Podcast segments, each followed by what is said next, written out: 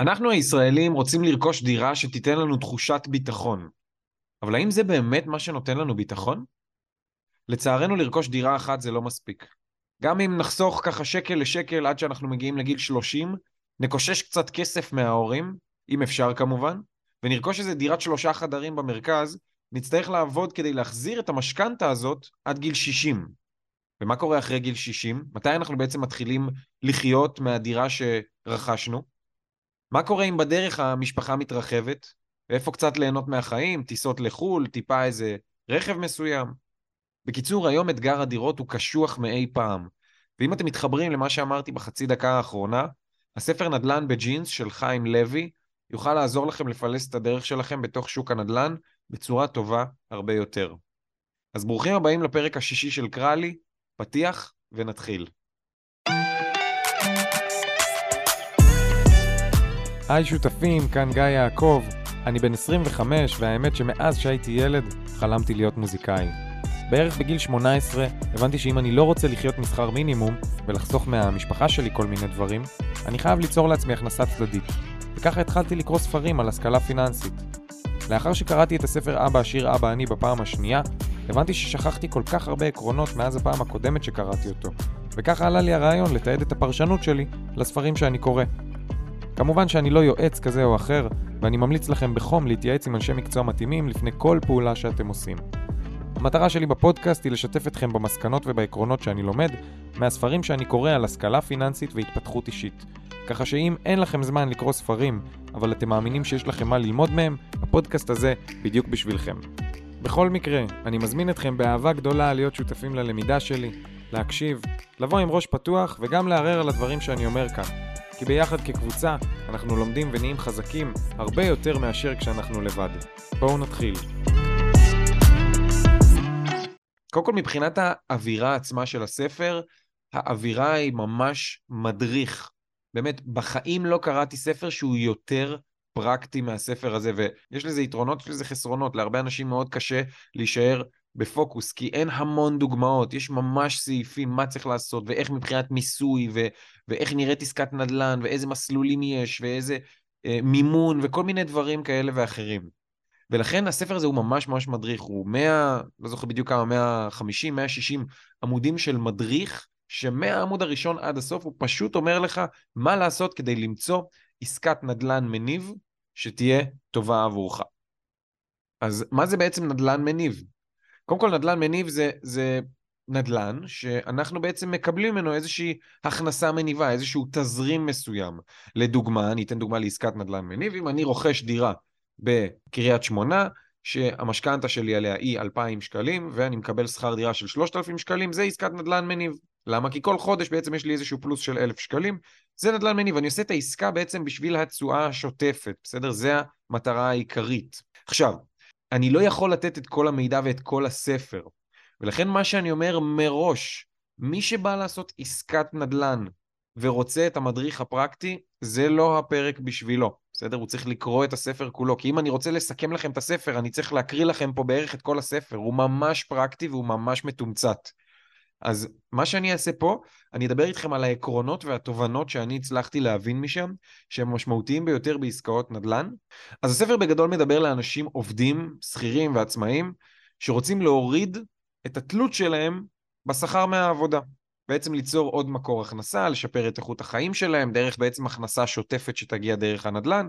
עכשיו, חיים לוי מדבר על זה שמדי פעם משתחרר לנו סכום כסף רציני, זה יכול להיות קרן השתלמות, זה יכול להיות ירושה, ואז בעצם מה אנחנו עושים איתו? אז רוב האנשים הולכים ורוכשים איתו איזה רכב, או אומרים, טוב, אני אטוס לחו"ל, אני אהנה קצת, מגיע לי בכל זאת, אני עובד קשה, במקום לבנות לעצמם איזשהו נכס שיכול להחזיר להם כסף ולאט לאט אה, לשפר את המצב הפיננסי שלהם. אז ככה, העיקרון הראשון שאני רוצה לדבר עליו זה פינוי זמן. כשאנשים בדרך כלל אומרים, טוב, אה, חסכתי קצת כסף, אה, יש לי בואו נגיד 300 אלף שקל הון עצמי, ואני יכול כבר לקנות עם זה איזה דירה, אני בזמן הפנוי שלי אני אחפש איזה כמה דירות. עכשיו, הגישה הזו לא עובדת. תראו, אנחנו משקיעים כל כך הרבה זמן כשאנחנו רוצים לחדש איזה רהיט בבית שלנו, אנחנו יכולים להשקיע יום שישי שלם או שני ימי שישי בסקר שוק, בלאן אנחנו הולכים, במה נוח, במה מאור כזה או מאור אחר, לא יודע, עץ מלא או לא מעץ מלא, אני לא כזה מבין בזה, אבל אנחנו לא מספיק משקיעים זמן ולא מספיק מפנים זמן בשביל אחת הרכישות הגדולות ביותר בחיים שלנו. בסדר? כי, כי זה נראה לנו רחוק, כי זה נראה לנו חוזים, זה נראה לנו כמו מסלולי ריביות, צריך להתמקצע בשביל להבין בזה, אבל האמת שאפשר לעשות את זה. זה כן דורש יותר פינוי זמן. בסדר? אם על, לא יודע, על, על רהיט אה, מאוד מאוד יפה שאנחנו אה, ככה עושים סקר שוק, אנחנו יכולים לחסוך באזור ה... לא יודע, אלף שקל, אלף חמש מאות שקל, אם אנחנו באמת ככה משקיעים בו מאוד. על עסקת נדל"ן אנחנו יכולים לחסוך עשרות אלפי שקלים ויותר אפילו. ולכן אנחנו כן צריכים לפנות זמן בצורה יזומה. אנחנו סתם ניתן דוגמה, אני אומר לעצמי, אני משקיע יומיים בשבוע, שלוש שעות בכל אחד מהימים האלה, כדי להכיר את השוק שלי, כדי לראות נכסים, כדי לדבר קצת עם הקהל שלי, תכף אנחנו נדבר על עוד עקרונות, ואז אנחנו נבין את הדברים, אבל צריך לפנות זמן באופן מודע. אי אפשר לבוא ולהגיד, או אפשר, אבל, אבל העסקה תהיה פחות טובה. אפשר לבוא ולהגיד, אני עושה עסקה על הדרך. אבל חבל, זה עסקה שעתידה להכניס לכם כסף, ולכן אם אתם כבר מפנים זמן למשהו, זה לדבר כזה. זהו, זה לגבי פינוי זמן. הדבר הבא שאני רוצה לדבר עליו זה איזושהי טעות מאוד מאוד גדולה שאנשים עושים. מה שקורה, בגלל שאנחנו גרים באיזושהי עיר מסוימת או באזור מסוים, הרבה פעמים אנחנו אומרים, טוב, אה, חסכתי קצת כסף, אני רוצה לרכוש דירה בעיר שאני מכיר או באזור שאני מכיר.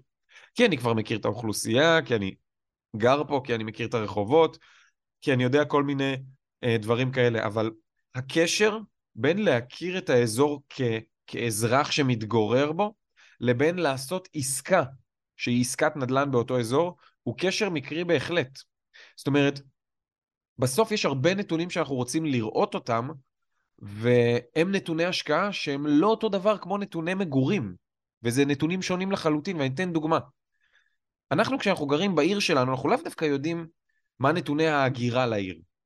מה זה אומר נתוני הגירה? בעצם כמה אנשים, או בכמה גדלה האוכלוסייה כל שנה.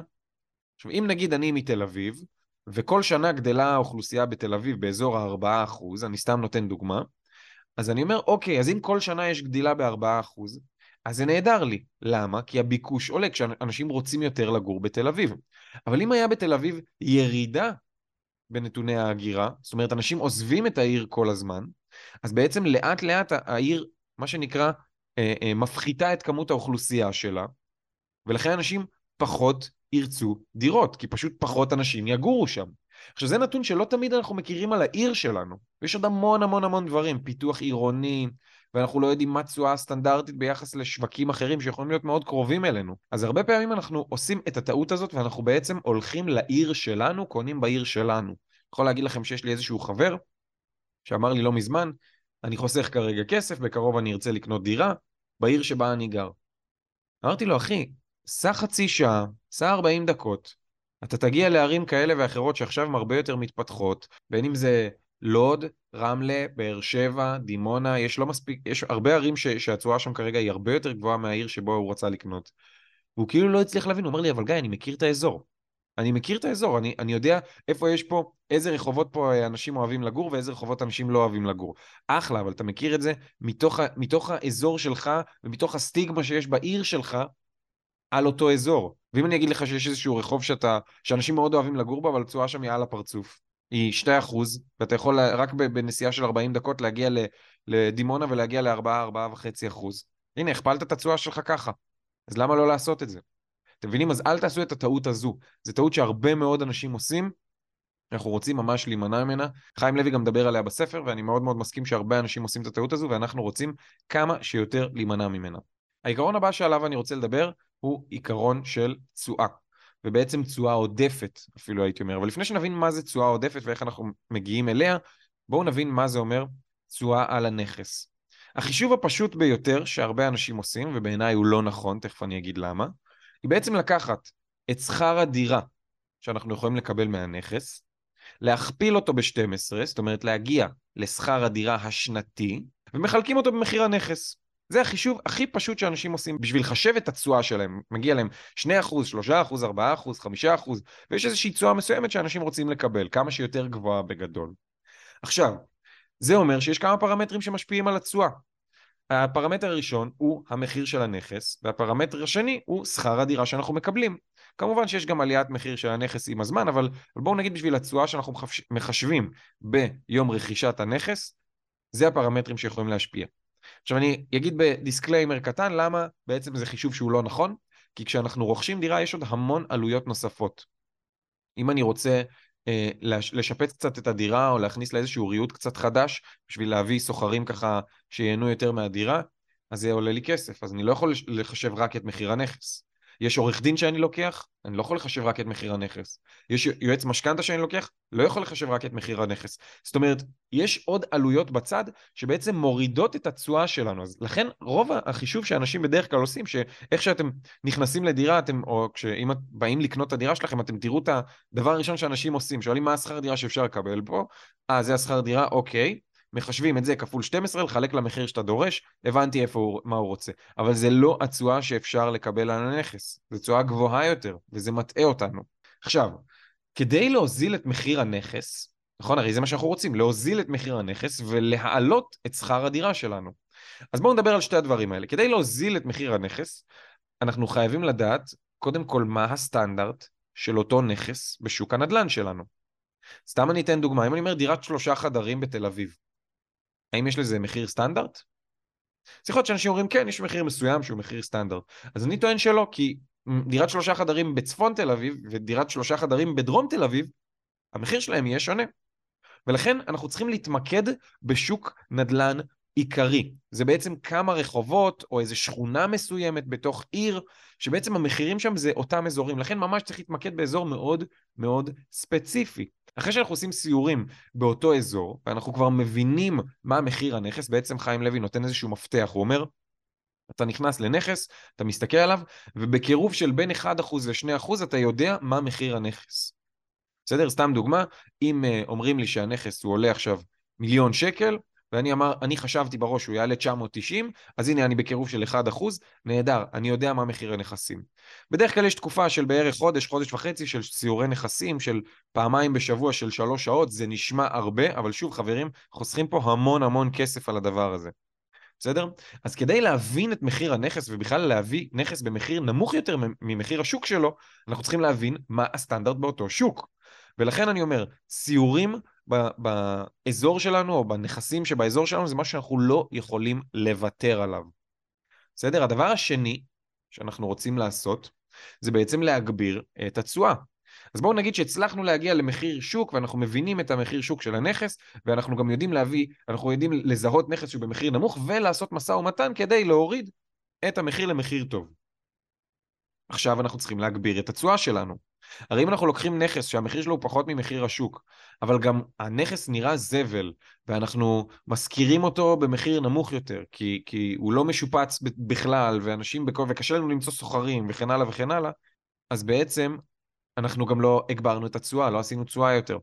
עכשיו, יש הרבה דרכים להגביר תשואה. רוב האנשים חושבים שיש רק דרך אחת, וזה לקנות את הנכס, לשפץ אותו ולהשכיר אותו. זה כללי מאוד, זה דרך אחת, אבל זה לא הדרך היחידה להגביר תשואה. ואני אתן פה עוד כמה דרכים. חלוקה פנימית של הנכס, בעצם פרצלציה פנימית, זה משהו שמגביר את התשואה.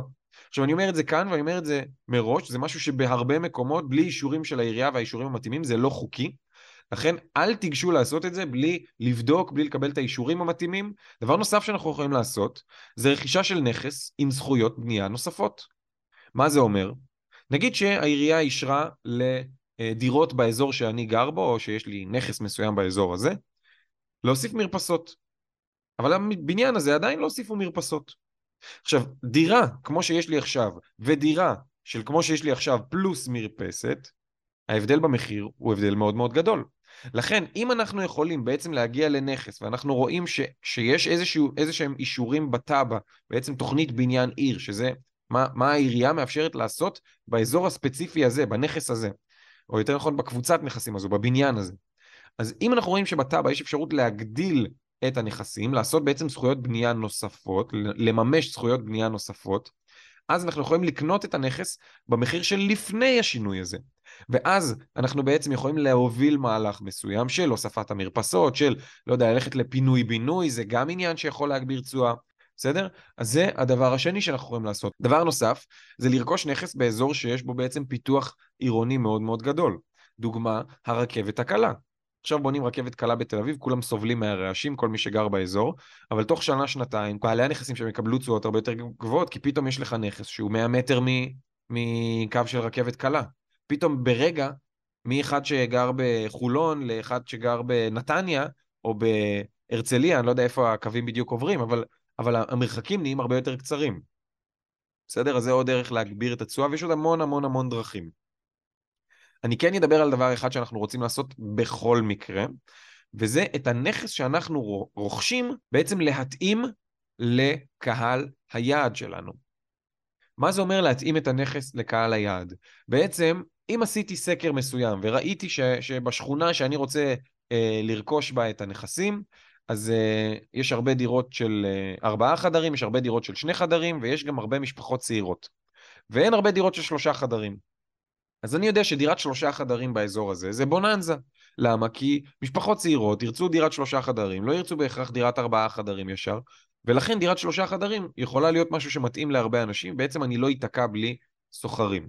מעולה. אז הנה זה דבר אחד שלמדתי מהסקר שוק. עכשיו נגיד שהאזור שלי זה אזור של משפחות צעירות, כמו שאני אומר. ואם יש לי משפחה צעירה, אז יש כל מיני דברים שהם חשובים לה. בסדר? זה יכול להיות, סתם דוגמה, בגלל שהם עובדים הרבה מהבית, ואם זה אזור של, אה, של אה, הייטקיסטים, אז אני יכול לעשות איזושהי עמדת עבודה ככה מגניבה שהיא בתוך הבית.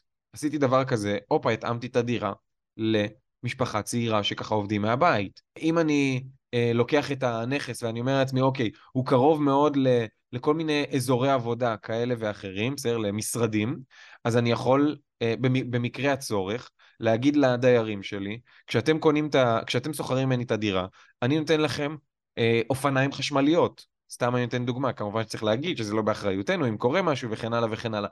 אבל זה דוגמאות קטנות שאתה משקיע כלום כסף ואתה מתאים את הדירה למי שמגיע אליה. בסדר? אם אתה קונה דירה באזור של סטודנטים, אז לסטודנטים מאוד מאוד חשוב הקרבה לאוניברסיטה, כי הם לא רוצים עכשיו אה, להיות תלויים ברכבים. העניין של קורקינט חשמלית בדירה יכול מאוד לעזור להם. אם אתה אפילו מביא להם Xbox או PlayStation לדירה, בכלל העפת להם את הפוני. בסדר? אז זה התאמת הנכס לשוכרים. עכשיו, זה לא משהו שעולה לנו הרבה כסף, אבל קודם כל אפשר להגביר את התשואה עליו. ב', אתה הרבה יותר בטוח שהדיירים שנכנסים אליך זה דיירים ש, שהם בדיוק מהקהל שלך ו, ואותם משכת. בסדר? אז התאמת הנכס לסוחרים שלנו זה משהו שהוא מאוד מאוד מקובל ועושים אותו הרבה. יכול לתת סתם דוגמה, אני גר כרגע בבאר שבע, יש שתי מעגלים זה נקרא, מעגל ראשון, מעגל שני של האוניברסיטה, והמעגל הראשון זה בעצם הדירות הקרובות יותר, אלה שבנקר מושכרות, ומעגל שני הן קצת יותר רחוקות, אבל הן עדיין במרחק שאפשר לגור בו. עכשיו, בדירות במעגל שני אתה מוצא הרבה יותר דירות שהן סופר משופצות, ובכל חדר יש משהו שנקרא שירותים ומקלחת. בסדר? שירוקלחת הם קוראים לזה. בעצם אפילו נתנו לזה שם אחר שנקרא סוויטה. ואז בעצם סטודנטים שמגיעים לשם, הם לא, לא, לאותם דירות, הם לא צריכים לחלוק שירותים ומקלחת ולחכות שהשותף שלהם יסיים במקלחת ואז רק הם יוכלו להיכנס לשירותים, לכל אחד יש את הפרטיות שלו בעצם. הדבר הזה מגביר מאוד את התשואה באותם נכסים. בסדר? נכסים שם, באזורים האלו שלא משופצים, אין סיכוי להשכיר את הנכס. ונכסים שמושכרים שם והם משופצים בצורה טובה, משכירים גם במחיר גבוה, בסדר? אנשים רוצים לגור שם. אז ככה, זה דוגמה למה אנשים עושים בשביל להגביר את התשואה שלהם. אני עוצר לרגע את הפרק רק כדי להזכיר לכם שאם אתם נהנים עד לכאן ועדיין לא הצטרפתם לקבוצת הוואטסאפ השקטה שלנו, כנסו לתיאור הפרק הזה שאתם שומעים ממש עכשיו ותלחצו על הלינק לקבוצת הוואטסאפ. ככה כל פעם שייצא פרק לא תפספסו אותו ותקבלו אותו בחינם ומיד. יאללה, בואו נחזור לפרק. העיקרון הבא שאני רוצה לדבר עליו זה עיקרון של מימון. בסדר? מימון, בעצם איך אנחנו מממנים את הדירה. אנחנו יכולים בגדול להביא 100% מה שנקרא הון עצמי. אה, לא יודע מי יכול אה, היום לחסוך שקל בשקל ולהגיע למחירי הדירות כפי שהם אה, נמצאים היום. כשאנחנו בעצם מגיעים להון עצמי ברמה מסוימת, אם זה דירה ראשונה נגיד, אז 25% מהדיר, מערך הדירה, אז בעצם אנחנו יכולים לקחת אה, הלוואה, משכנתה, ובעצם לממן את הדירה בגור... בעזרת גורם נוסף. עכשיו, חשוב לי להגיד שמימון זה משהו שיכול מאוד להעלות את התשואה שלנו, והוא יכול גם להוריד את התשואה שלנו, ואני אתן דוגמה מאוד פשוטה. נגיד שלקחתי הלוואה על מיליון שקל, בסדר? והתשואה שאני משלם עליה היא 3% בשנה, דהיינו 30 אלף שקל. התשואה על הנכס היא 5% בשנה. אז זה אומר שעל ה, הרכיב, נגיד שהנכס עלה 2 מיליון שקל ואני לקחתי מיליון הלוואה, בסדר? ואני משלם על ההלוואה, שוב אני אומר, 3% בשנה. אז מיליון שקל הבאתי הון עצמי, ומיליון שקל אני מביא מההלוואה. זאת אומרת, אם אני קניתי את הנכס ב-2 מיליון שקל, שילמתי מיליון שקל מההון העצמי שלי, אותם אני מזיז לרגע הצידה. על המיליון שהבנק הביא לי, בעצם אני מרוויח 5% תשואה. אז אני מקבל 50 אלף ואני משלם 3% ריבית, אז אני משלם 30 אלף, נשאר לי 20 אלף על כסף שהוא לא שלי כל שנה. בסדר? עכשיו זה יכול גם לעבוד לכיוון ההפוך. נגיד שהיה עליית ריבית ועכשיו הריבית היא 7%. אז בעצם אני מקבל על הכסף של הבנק מהשכירות 50 אלף, כי זה החמישה אחוז, ואני משלם 70 אלף. זאת אומרת, מימון זה משהו שאם אנחנו לא לוקחים אותו בצורה נכונה, הוא יכול מאוד לפגוע בנו, אבל אם אנחנו לוקחים אותו בצורה נכונה ויש לנו רווח מספיק גבוה, בסדר? על, ה, על התשואה של הנכס ביחס לריבית, אנחנו יכולים להרוויח כסף כל חודש וחודש בעצם על כסף שהוא לא שלנו. וזה הקסם במימון. עכשיו, מה שחשוב לי להגיד, הספר דיבר, כמו שאמרתי בהתחלה, בעצם הוא, הוא מדריך מאוד פרקטי, הוא דיבר על מסלולי מימון וריביות ודברים, כמובן שזה גם דברים שמשתנים. אני מאוד ממליץ, מי שנכנס לרכישת נכס, לקרוא בספר, וגם בספר הוא, קורא, הוא, הוא שולח אתכם לכל מיני מקורות אחרים ללמוד עוד על מימון, כי זה עולם מטורף. עכשיו, זה או לקרוא, או לקחת יועץ משכנתה. בסדר שזה אנשים שיש להם יותר ניסיון, כבר קשרים בבנק. אני אישית הייתי הולך לכיוון של יועץ משכנתה, אבל מי שמאוד רוצה לדעת כל פרט ופרט, אפשר גם לקרוא. זו השקעה שהיא סופר משתלמת, כי זה בסוף, הפער בין כמות, ה... בין המשכנתה שאנחנו לוקחים לכמה אנחנו משלמים במהלך ה-20-30 שנה שאנחנו לוקחים את המשכנתה, זה פער אדיר, ואם אנחנו נדע לצמצם את המימון, זה יכול לחסוך עשרות ולפעמים גם מאות אלפי שקלים. בסדר? אז זה ככה המלצה אה, ממני. הדבר הבא שעליו אני רוצה לדבר זה זיכרון דברים. מה זה זיכרון דברים? אז קודם כל זיכרון דברים זה בעצם סוג של הסכם, זה לא הסכם מכר, זה לא הסכם של המכירה של הדירה, אבל זה בעצם חתימה על התנאים הכלליים של העסקה. עכשיו חשוב לי להגיד שבמדינת ישראל זיכרון דברים זה משהו שהוא מחייב לכל דבר ועניין, כמו הסכם מכר. בסדר? אין דבר כזה להפר זיכרון דברים. יש, יש איזשהו אה, סעיף, אני לא זוכר כמה, לדעתי זה חמישה אחוז או עשרה אחוז, אני לא זוכר ממחיר הנכס, אם אתה מפר את זיכרון הדברים, אתה נותן למוכר. אבל אני לא, לא סגור על המספרים, אמ, אז אל תתפסו אותי פה על המספר. מה שאני אומר אבל, זיכרון דברים במדינת ישראל זה משהו שהוא מחייב אותנו. ומהצד השני, הוא לא מכיל את כל ההגנות שלנו. ולכן, אני כבר אומר, אם אתם מדברים עם מתווך, או שאתם מדברים עם מוכר דירה, וסיכמתם פרטים, אל תחתמו על זיכרון דברים. זה גם מה שחיים לוי אומר. גם אם אומרים לכם, הדירה תילקח ויש מישהו אחר רציני וזה וזה, זה חושף אותנו לכל כך הרבה פגיעות שהעורך דין אמור להגן עלינו מהם. לדוגמה, אם לנכס יש עיקולים, אם הנכס משועבד ולא בדקנו את זה טוב, יש דברים שהעורך דין בודק ו- ותשאירו לו לעשות את הדבר הזה. תגידו לבן אדם, סיכמנו את הפרטים הגדולים, אני מעביר לעורך דין שלי, אתה מעביר לעורך דין שלך, אני לא חותם על זיכרון דברים, ואני ממשיך הלאה. בסדר? זה מה שאנחנו עושים. אנחנו חותמים אך ורק על הסכם המכר. עכשיו, נכון שאתם לא משריינים את הדירה הזאת אליכם, אבל אם זו עסקה טובה, אל תדאגו, יש הרבה עסקאות טובות בשוק. אה, זה לא שיש עסקה אחת טובה שרק אתם עליתם עליה, אה, הכל בסדר, אפשר לקחת את הדברים בקצב הגיוני. כמובן, זה עורך דין שיודע לעבוד בצורה מהירה, ושהוא לא עכשיו אה, מורח אתכם חודשיים עם ה... אה, הסכם מכר. אם, אם שילמתם למתווך שלכם בזיכרון הדברים, או שנתתם איזושהי מקדמה בזיכרון הדברים, זה מה שנהוג לבקש, אז אם מבטלים אותו, יכול להיות שלא ייתנו לכם אותה, ובכל מקרה, אל תיכנסו לזה פשוט. תגידו לעצמכם ותגידו לעורך דין שלכם, טפל לי בזה, אין שום זיכרון דברים, זה התנאים הכלליים. עכשיו, דיברנו על, ה, על חלק מהדברים שבעצם זיכרון דברים חושף אותנו אליהם, וזה באמת מוביל אותי לדבר הבא, לעורך דין. הרבה אנשים אומרים, טוב, עסקת נדל"ן, זה לא עכשיו שאני לוקח עורך דין ב-40 אלף שקל ו- ו- או ב-200 אלף שקל, תלוי באיזה גובה העסקה, כן? אבל זה לא איזה משהו שהוא עכשיו מסובך מדי, והוא גדול מדי, והוא... אז אני יכול לקחת איזה עורך דין שאני מכיר, שאני סומך עליו, הוא גם יעשה לי מחיר. עכשיו, שתי דברים שאני חייב להגיד לכם על עורך דין. קודם כל, העורך דין שאתם לוקחים חייב, חייב שיתמחה בנדל"ן. אל תשחקו עם זה, זה אחת העסקאות הגדולות שאתם עושים, גם אם תשלמו עוד 5,000, עוד 10,000 שקל, שווה את הכסף הזה. בסדר? קחו מישהו שאתם מקבלים עליו המלצות. דבר שני, הרבה פעמים, כשאתם באים לרכוש נכס, המוכר של הנכס יבוא ויגיד לכם, תקשיב, יש לי כבר עורך דין, אתה תשלם לו גם, הוא יעשה לנו ככה את ההסכם מאוד מאוד מהר, הוא יעשה לך מחיר טוב, עליי, אני, אני ככה עבדתי איתו בעבר, אני סומך עליו, הוא עשה דברים טובים, בואו נעשה את זה ביחד. הרבה פעמים מציעים את זה כדי כביכול לחסוך בעלויות. חבר'ה, אל תעשו את זה. זה נוכלות לשמה, בסוף הוא מביא את העורך דין, העורך דין יותר בצד שלו. בסוף העורך דין אמור לייצג אתכם, בסדר? וזה שאתם תשלמו לו, זה לא אומר שהוא יהיה ב-100% לטובתכם. הוא הביא את העסקה, ויכול להיות שזה מקורב אליו, אתם לא מכירים. קחו עורך דין משלכם, תגיד לו תודה, אם אתה רוצה שנעשה ונחסוך עלויות, אין לי בעיה. בוא נעשה עם עורך דין שהוא עורך דין שאני מביא. יש לי עורך דין שאני גם מכיר, אני אביא את העורך דין, תשלם לו גם אתה. אתם מבינים? ישר הבן אדם מתקפל ואתם מבינים שמה שהוא רצה זה לא באמת שתחסכו בעלויות. אז עורך דין, קחו משלכם. יש לי אפילו איזושהי דוגמה ככה לתת לכם על זה. היה איזושהי דירה שאני הלכתי לראות בבאר שבע, שהדירה הייתה ג'יפה לגמרי.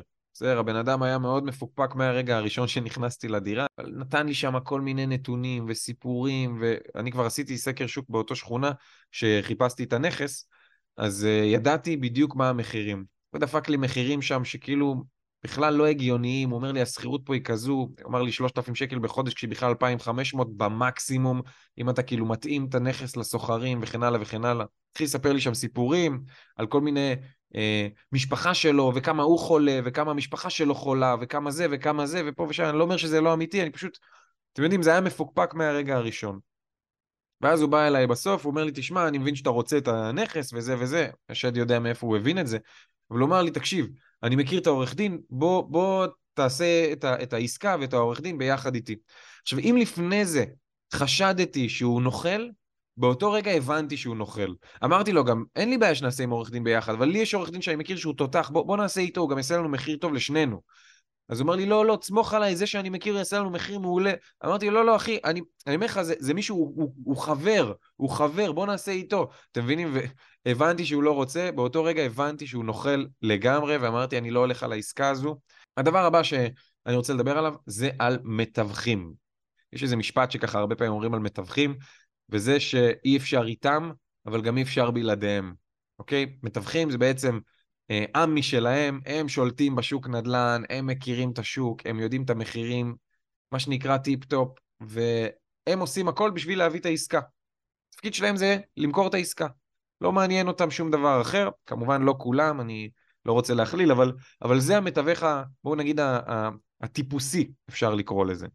עכשיו, כשאתם עובדים עם מתווך, חשוב לי להגיד שיש דבר כזה שנקרא טופס הזמנת שירותי תיווך. בסדר, חיים לוי מדבר על זה בספר.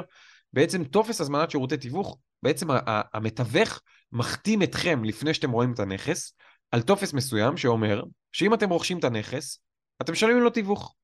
עכשיו, בזמן הזה גם חשוב, אם אתם עושים איתו משא ומתן, לעשות את המשא ומתן, כי שם אתם חותמים על המספרים, אבל מה שקורה הרבה פעמים, וזה דרך לעלות על מתווכים נוכלים לחלוטין, זה שהם, הרי יש, יש כל מיני פרמטרים שהמתווך צריך למלא, בסדר?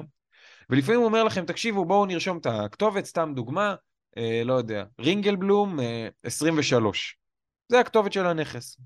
עכשיו, מה קורה אם אתם רוכשים נכס, אח... נכס אחר באותו בניין?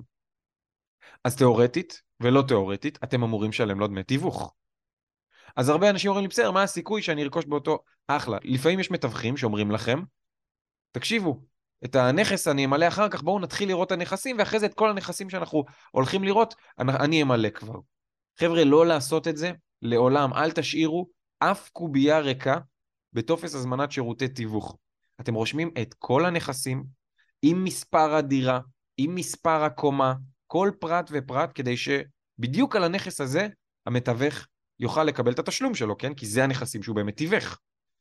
אל תשאירו קוביות ריקות, כבר קרו מקרים בעבר אם יש איזה חמש מקומות לש... לרשום נכסים, ואתם הולכים לראות איתו רק שניים, בשלוש האחרים תעשו איקסים.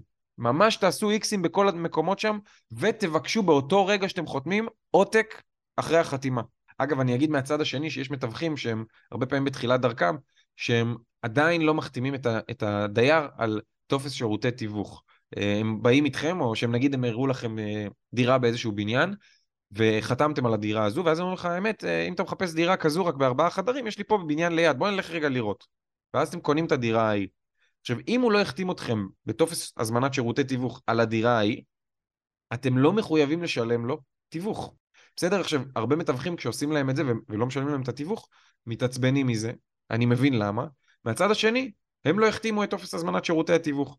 ולכן חשוב מאוד להכיר את החוק. החוק אומר שאם אתם חתמתם על טופס הזמנת שירותי תיווך, אתם מחויבים אה, לשלם אה, למתווך, אל תשאירו קוביות ריקות ותבקשו עותק ישר אחרי החתימה. אז דיברנו כרגע על עורכי דין, ודיברנו על מתווכים, ודיברנו על כל מיני ככה דברים במהלך הדרך, ואני רוצה לדבר על איך אנחנו בעצם רותמים את כל אנשי המקצוע האלה אלינו. מה שקורה, בעצם עסקת נדל"ן, בגלל שהיא מורכבת מהרבה תחנות, אנחנו גם מדברים עם יועץ משכנתה, גם אנחנו יכולים להביא בדיקה על הנכס מבחינה של רמת השיפוץ שלו והתשתיות שלו, אנחנו יכולים להביא את המתווך, אנחנו יכולים להביא עורך דין, יש פה הרבה אנשים שאנחנו עובדים איתם, בסדר? אנחנו רוצים להשאיר את כולם איתנו עד סוף העסקה. בעצם אנשים היום, מה לעשות, הרבה פעמים חושבים על האינטרס שלהם, או שהם ככה חיים את המציאות שלהם, והמוטיבציה של עורך הדין ושל המתווך להיות איתכם לאורך כל הדרך, היא כי יש איזשהו תשלום שמגיע אליהם בסוף. בסדר? זה הגיוני מאוד. עכשיו, הרבה פעמים המתווך יכול להחתים אתכם על זיכרון דברים, או להגיד לכם, הנה, סגרתם, לחצתם ידיים, עכשיו תביאו לי מקדמה של התיווך. חבר'ה, אין דבר כזה, אתם תמיד, וזה עיקרון שנקרא עיקרון תשלום בסוף, אני קורא לו, אתם שומרים את התשלום לסוף. אל תשלמו להם עד שאתם מגיעים לחתימת הסכם המכר. ככה גם הם יקדמו את הדברים מהצד שלהם, גם אתם לא תצטרכו לרדוף אחריהם, וגם כולם יקבלו את השכר שלהם בזמן שאמור לקרות. הדבר הבא שאני רוצה לדבר עליו זה בעצם איך אנחנו יכולים לקבל אינפורמציה או לאמת את האינפורמציה שקיבלנו על הנכס. תראו, אם אנחנו באים לנכס מסוים עם מתווך, או אם אנחנו באים אפילו בלי מתווך, מי שמוכר לנו את הדירה יש לו אינטרס מסוים, זה ברור. גם אם זה קרוב אליו, גם אם זה הסוחר שכרגע גר בדירה, כביכול אין לו אה, אינטרס, יש לו אינטרס, יכול להיות שהבעלים אה, של הנכס אמר לו, תשמע, אם אתה עוזר לי למכור את הנכס, אני מוריד לך תשלום אחד של שכר דירה, אתם לא יכולים לדעת.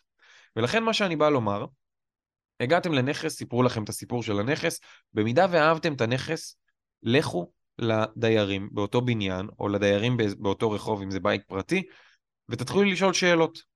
תתפסו אנשים שגרים באזור, תדפקו בדלת של אנשים, שלום, סליחה על ההפרעה. נכון, לחלק מהאנשים זה לא נעים, זה כל כך חשוב, אתם יכולים לגלות ככה סכסוכי שכנים, להבין למה הבן אדם באמת מוכר את הנכס, היה לו איזושהי בעיה, יש לו איזה עיכול, יש לו ריב עם, עם שכן כזה או אחר. כל דבר אתם יכולים לגלות מהדבר הזה. אתם אומרים, אני שוקל לקנות דירה אה, בבניין הזה, אני אשמח לדעת איך, איך לך לגור בבניין, זה אינפורמציה שהיא קריטית עבורכם כדי לדעת את הסיפור של ההמשך. אתם לא רוצים להגיע לבניין שיש שם סכסוכי שכנים כבדים, ואתם לא רוצים להגיע לבניין שפתאום אתם מגלים שיש שם אה, עיקולים על הנכס ודברים כאלה. אז דיירים הרבה פעמים יודעים את הדברים האלה. בואו נגיד שעשינו עסקה, הגענו, אנחנו נהנינו, התחלנו לקבל שכר, ומה שעושים בסוף, בסוף, בסוף, זה חוגגים הצלחות. חגיגה של הצלחות זה חשוב בצורה בלתי רגילה. אנחנו צריכים לזכור בסוף שאנחנו עושים את הדבר הזה כדי לשפר את איכות החיים שלנו, ולא כדי לעבוד ועכשיו לעבור לנכס הבא ולנכס הבא ולנכס הבא. אנחנו חייבים לחגוג את ההצלחות שלנו, כי זה באמת נותן לנו את התחושה של השגנו, הגענו, עשינו, ועכשיו אנחנו בשלב ההנאות. לעשות את זה גם רשמי, סוג של טקסיות אפילו אפשר לעשות. להזמין חברים אליכם, ללכת לאיזה מסעדה טובה, איזה חופשה מהנה, משהו ככה, לא בשביל לבזבז את כל הכסף שאתם הולכים להרוויח, כן? אבל לחגוג את ההצלחות, חברים. עשיתם הצלחה וזה דבר נהדר. אני רוצה לדבר על עוד שתי עקרונות שאני הבנתי, אה, לא מהספר אפשר לומר, זאת אומרת, הן קשורות, הספר הציף אותם אצלי, חיים לוי לא מדבר עליהם באופן ישיר, ובהם נסיים. טוב, אז העיקרון הראשון שאני רוצה לדבר עליו זה שממשכורת לא מתעשרים. בסדר? מה שבעצם בספר רשום זה ש... מדי פעם אנחנו מקבלים, משתחרר לנו איזה סכום כסף גדול, בין אם זה ירושה, קרן השתלמות וכן הלאה וכן הלאה וכן הלאה. ובעצם זה גרם לי לחשוב, רגע, למה אני צריך לחכות לקנות נכס רק כשמשתחרר לי כסף גדול? למה אני לא יכול לחסוך מה שנקרא שקל לשקל? וזה עלה לי, כי, כי שמעתי את המשפט הזה כל כך הרבה מקומות אחרים, בעצם ממשכורת אנחנו לא מתעשרים. אנחנו חייבים למצוא איך אנחנו עושים לנו איזה שהם מקורות הכנסה נוספים. מקור הכנסה נוסף זה לדוגמה נדל"ן מניב, בסדר? שעליו דיברנו כל הפרק הזה של הפודקאסט. אז כשאנחנו מדברים בעצם על העבודה שלנו ואיך אנחנו מקבלים העלאה כזו או אחרת, זה שחיים לוי דיבר על העניין הזה שאנחנו מחכים לזה שיהיה כסף גדול שמשתחרר, זה הזכיר לי את העניין הזה שממשכורת אנחנו לא מתעשרים. ממשכורת, דיברתי על זה באחד הפרקים הקודמים, אנחנו יכולים להגיע יותר ויותר למרוץ העכברים. אנחנו מעלים את ההוצאות שלנו, אנחנו מעלים את ההכנסות שלנו, אנחנו מעלים את ההתחייבויות שלנו, לוקחים משכנתה יותר גדולה, ולכן הפוקוס שלנו לא צריך להיות רק במשכורת, אלא בהכנסות צדדיות ונוספות. העיקרון השני שאני רוצה לדבר עליו שלא הוזכר בספר בכלל, ואני מניח שזה קרה בגלל שהספר הוא מאוד מדריך ככה אה, אה, פרקטי, זה איך אנחנו יכולים להוריד את מחיר הנכס בצורה דרמטית ואפילו להעלות את התשואה שלנו, וזה הפוקוס באנשים. כשאנחנו מגיעים לנכס, אנחנו חייבים לא לבוא, או אנחנו לא חייבים, אנחנו, אני ממליץ, לא להגיע באווירה של מה אני מחפש עכשיו בנכס כדי להוריד את המחיר, ואני נכנס לזירת קרב, ומי יודע יותר להוריד את המחיר, ופתאום אני יכול להגיד לו שיש רעש ברחוב, ופ... חברים, המשא ומתן יהיה הרבה יותר אפקטיבי אם אנחנו נהנים מהשיחה, אם אנחנו מתעניינים באמת בבן אדם. אם אנחנו שואלים אותו למה אתה מוכר את הנכס, אז נגיד הוא אומר, אני עובר מפה, אה, לאן אתה עובר? אה, אתה עובר לכפר סבא? לא יודע, אה, החברה שלי גרה שם. ו... אה, אתה עובר לשכונה ההיא, יפה, אני מכיר את הבית ספר הזה והזה, ואיפה הילדים ילמדו?